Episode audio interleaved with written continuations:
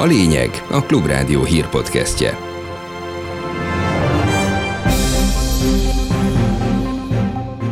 Jó napot kívánok! Önök a lényeget, a Klubrádió hírpodcastját hallják, a mikrofonnál Hardi Mihály.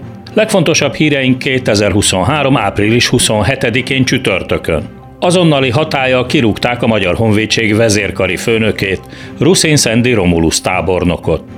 Magyarországon keresztül is szállítottak francia helikoptereket a háború sújtotta Ukrajnába, derítette ki az átlátszó újságírója. Az időkép.hu webkamerája nyilvánosan elérhető videóban rögzítette, hogy három H125M típusú helikopter várakozik a Győrtéri reptéren, Gumibot és könygáz után feljelentéssel is hadakozik a rendőrség a várban tüntető diákok ellen. Aránytalannak tartottuk azt is, ami a tüntetésen történt, a könygázozásra gondolok. És most következzenek a részletek.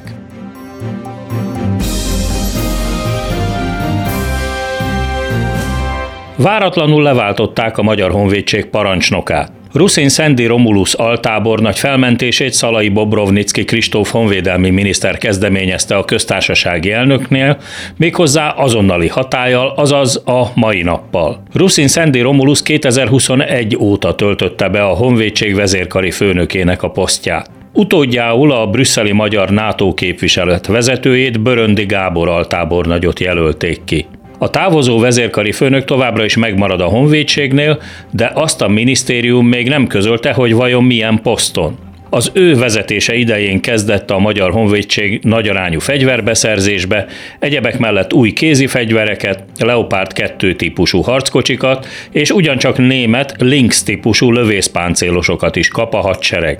Ez utóbbinak az összeszerelésére a német Rheinmetall cég komplet összeszerelő üzemet is épít Zalaegerszegen. Ugyancsak Ruszin Szendi tábornok idejére esik a nagyarányú tisztogatás, állítólagos fiatalitás a honvédségnél. Ezt Szalai Bobrovnicki Kristóf kezdeményezte, és ennek alapján még most is folyik a 25 éves szolgálati viszonyjal rendelkezők, vagy a 45. életévüket betöltött főtisztek és tisztek elbocsájtása a honvédségtől.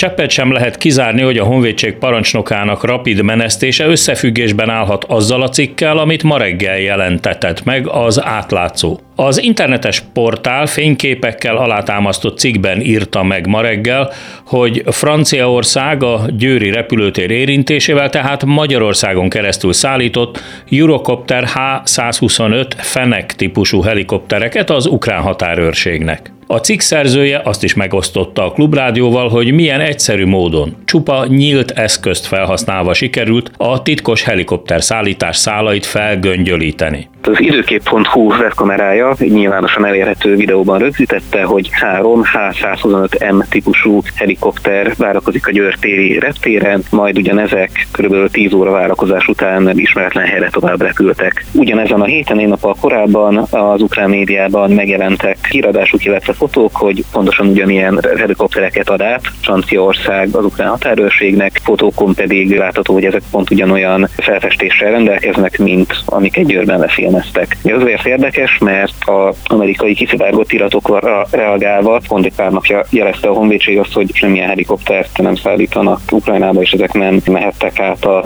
magyar régtéren sem. Az átlátszó cikkéből kiderül, hogy az Ukrajnának szánt három francia gyártmányú helikopter idén február 13-án szállt le Győr-Pér repülőtéren, közbülső megállóként. A helikopterek és a személyzetük egy éjszakát töltöttek a nyugat-magyarországi városban, másnap megtankoltak, majd folytatták útjukat a lengyelországi Zsesúv repülőterére, ahol átadták őket az ukrán hatóságoknak. Ukrajna összesen 55 darab ilyen vegyes felhasználású, azaz katonai és polgári célra is alkalmas helikoptert kap Franciaországtól. Ukrajna a helikoptereket akár felderítő, akár légi támogató, azaz felfegyverzett változatban 70 mm-es rakétavetőcsövekkel felszerelve is tudja alkalmazni a harcokban. Magyarország korábban nyilvánosan azt jelentette be, hogy légterét nem engedi át Ukrajnába tartó fegyverszállítmányoknak.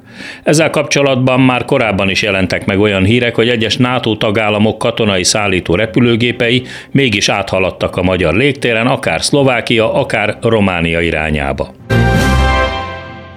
Az ukrajnai Bakhmut körül folyó harcokról számol be helyszíni tudósításában a brit BBC.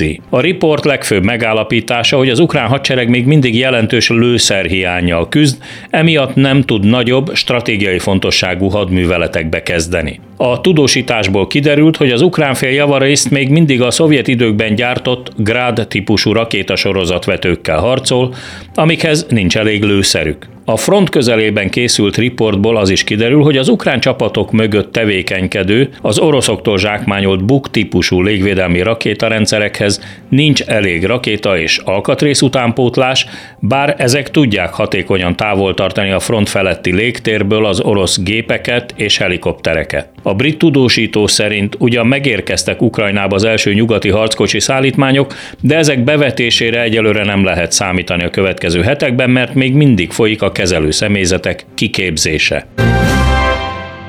Alig, hogy bejelentették az orosz Kémbank, akarom mondani a Nemzetközi Beruházási Bank távozását Budapestről, a 24.hu újságírója újabb, hasonlóan kétes ernyőszervezet jelenlétére bukkant a főváros szívében. Az ötödik kerületben az Apácai Csere János utcában található IRIAS, azaz az International Research Institute for Advanced Systems, azaz magyarul a Fejlett Rendszerek Nemzetközi Kutatóintézete található itt. A 24.hu újságírójának azt nem sikerült kideríteni, hogy valójában mivel foglalkozik a hangzatos nevű állítólagos tudományos központ, amelynek tevékenységei között még a hang- és videófelvételek készítése, élelmiszerforgalmazás, üzemanyag nagykereskedelem, sőt még hulladékhasznosítás is szerepel. A kutatóintézetet még 1976-ban alapították a kelet-európai országok a Szovjetunió vezetésével a KGST keretein belül. Budapesti jelenlétében pedig az a különös, hogy jogi képviseletét Hörcsik Rihárd Fideszes országgyűlési képviselő testvére látja el. Az sem sikerült eddig kideríteni, hogy az Iriásznak vajon hány munkatársa lehet a magyar fővárosban, mivel foglalkoznak, és kaptak-e hasonló diplomáciai védettséget, mint az orosz kémbank munkatársai. Éles, sokszor személyeskedéstől sem mentes vita után a fővárosi közgyűlés elfogadta azt a határozatot, aminek értelmében Budapest vezetése 16 milliárd forintnyi hitelt vesz föl a város működő képességének megőrzése érdekében. A vitában elhangzott, hogy miközben drasztikusan megemelkedtek az energia és üzemanyagköltségek, a kormány az úgynevezett szolidaritási adó néven egyre nagyobb mértékű elvonásokkal sújtja Budapestet. Az ellenzéki, azaz kormánypárti polgármesterek a vitában ennek ellenére élesen támadták a polgármestert és a politikáját. Karácsony Gergely a vitában egyebek mellett arról a lehetetlen helyzetről beszélt, hogy Budapest tulajdonképpen az elvonások révén a költségvetés befizetője, nem pedig kedvezményezettje. Azért azt ne gondolják már, hogy mondjuk miközben a központi költségvetés adóbevételei 2018 és 22 között olyan 60%-kal nőttek, a fővárosi önkormányzatnak nominálisan szinte azonos pénzből kéne kifizetni a megemelt rezsiszámlákat, a megnövekedett béreket, hogy kevesebb pénzből lehet többet szolgáltatni. Van olyan dolog, amit nem lehet megoldani, mert egyszerűen egy politikai döntés kéne hozzá. Az a döntés, hogy ezt a várost nem tönkretenni akarjuk, hanem fejleszteni. Végül a budapesti közgyűlés 18 támogató szavazattal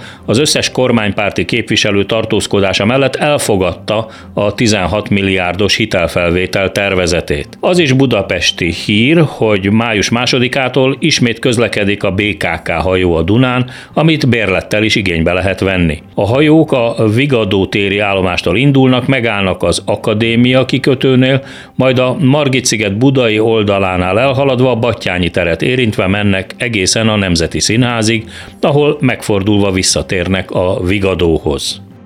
A kormányzati elvonások ellenére változatlanul Karácsony Gergely főpolgármester a legnépszerűbb fővárosi politikus. Egyebek mellett ez derült ki a Medián által az elmúlt hetekben elvégzett közvéleménykutatásból. Erről beszélt Hán Endre, a Medián cég vezetője, a Klubrádiónak. Fővárosiak többsége tudatában van annak, hogy ezek az elvonások, amelyek a főváros pénzügyi helyzetét érintik, ezek jóval nagyobbak, mint amikor még kormánypárti volt a főváros vezetése is. Ezzel szoros összefüggésben van az, hogy Karácsony Gergely pillanatnyilag a legnépszerűbb fővárosi politikus. Most a legkedvezőbb az ő teljesítményének a megítélése. Hosszú hónapok óta csupán csak 25% aki rossznak vagy nagyon rossznak tartja. Ami nekem meglepetés volt, hogy Tarlós István egészen hasonló 45 százalékos eredménnyel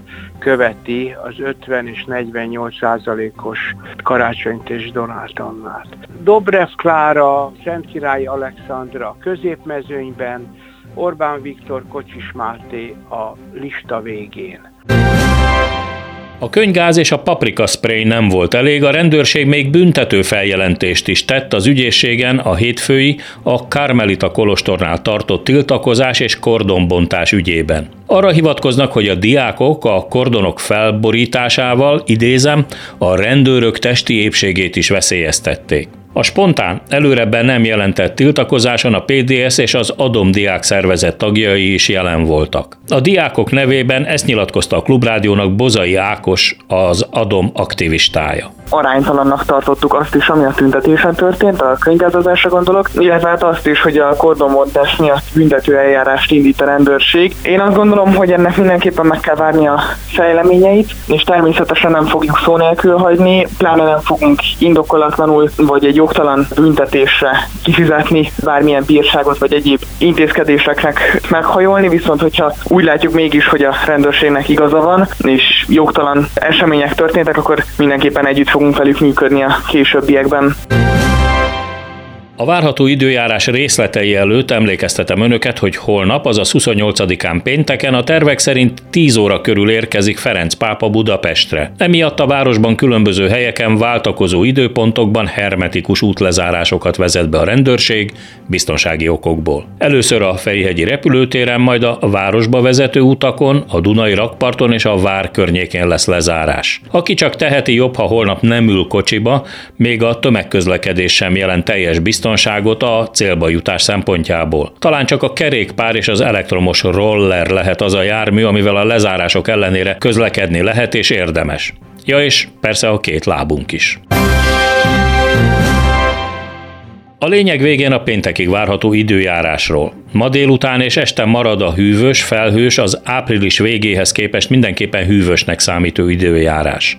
Sok helyen gomoly felhők takarják el a napot, emiatt még hidegebbnek érezzük az időt.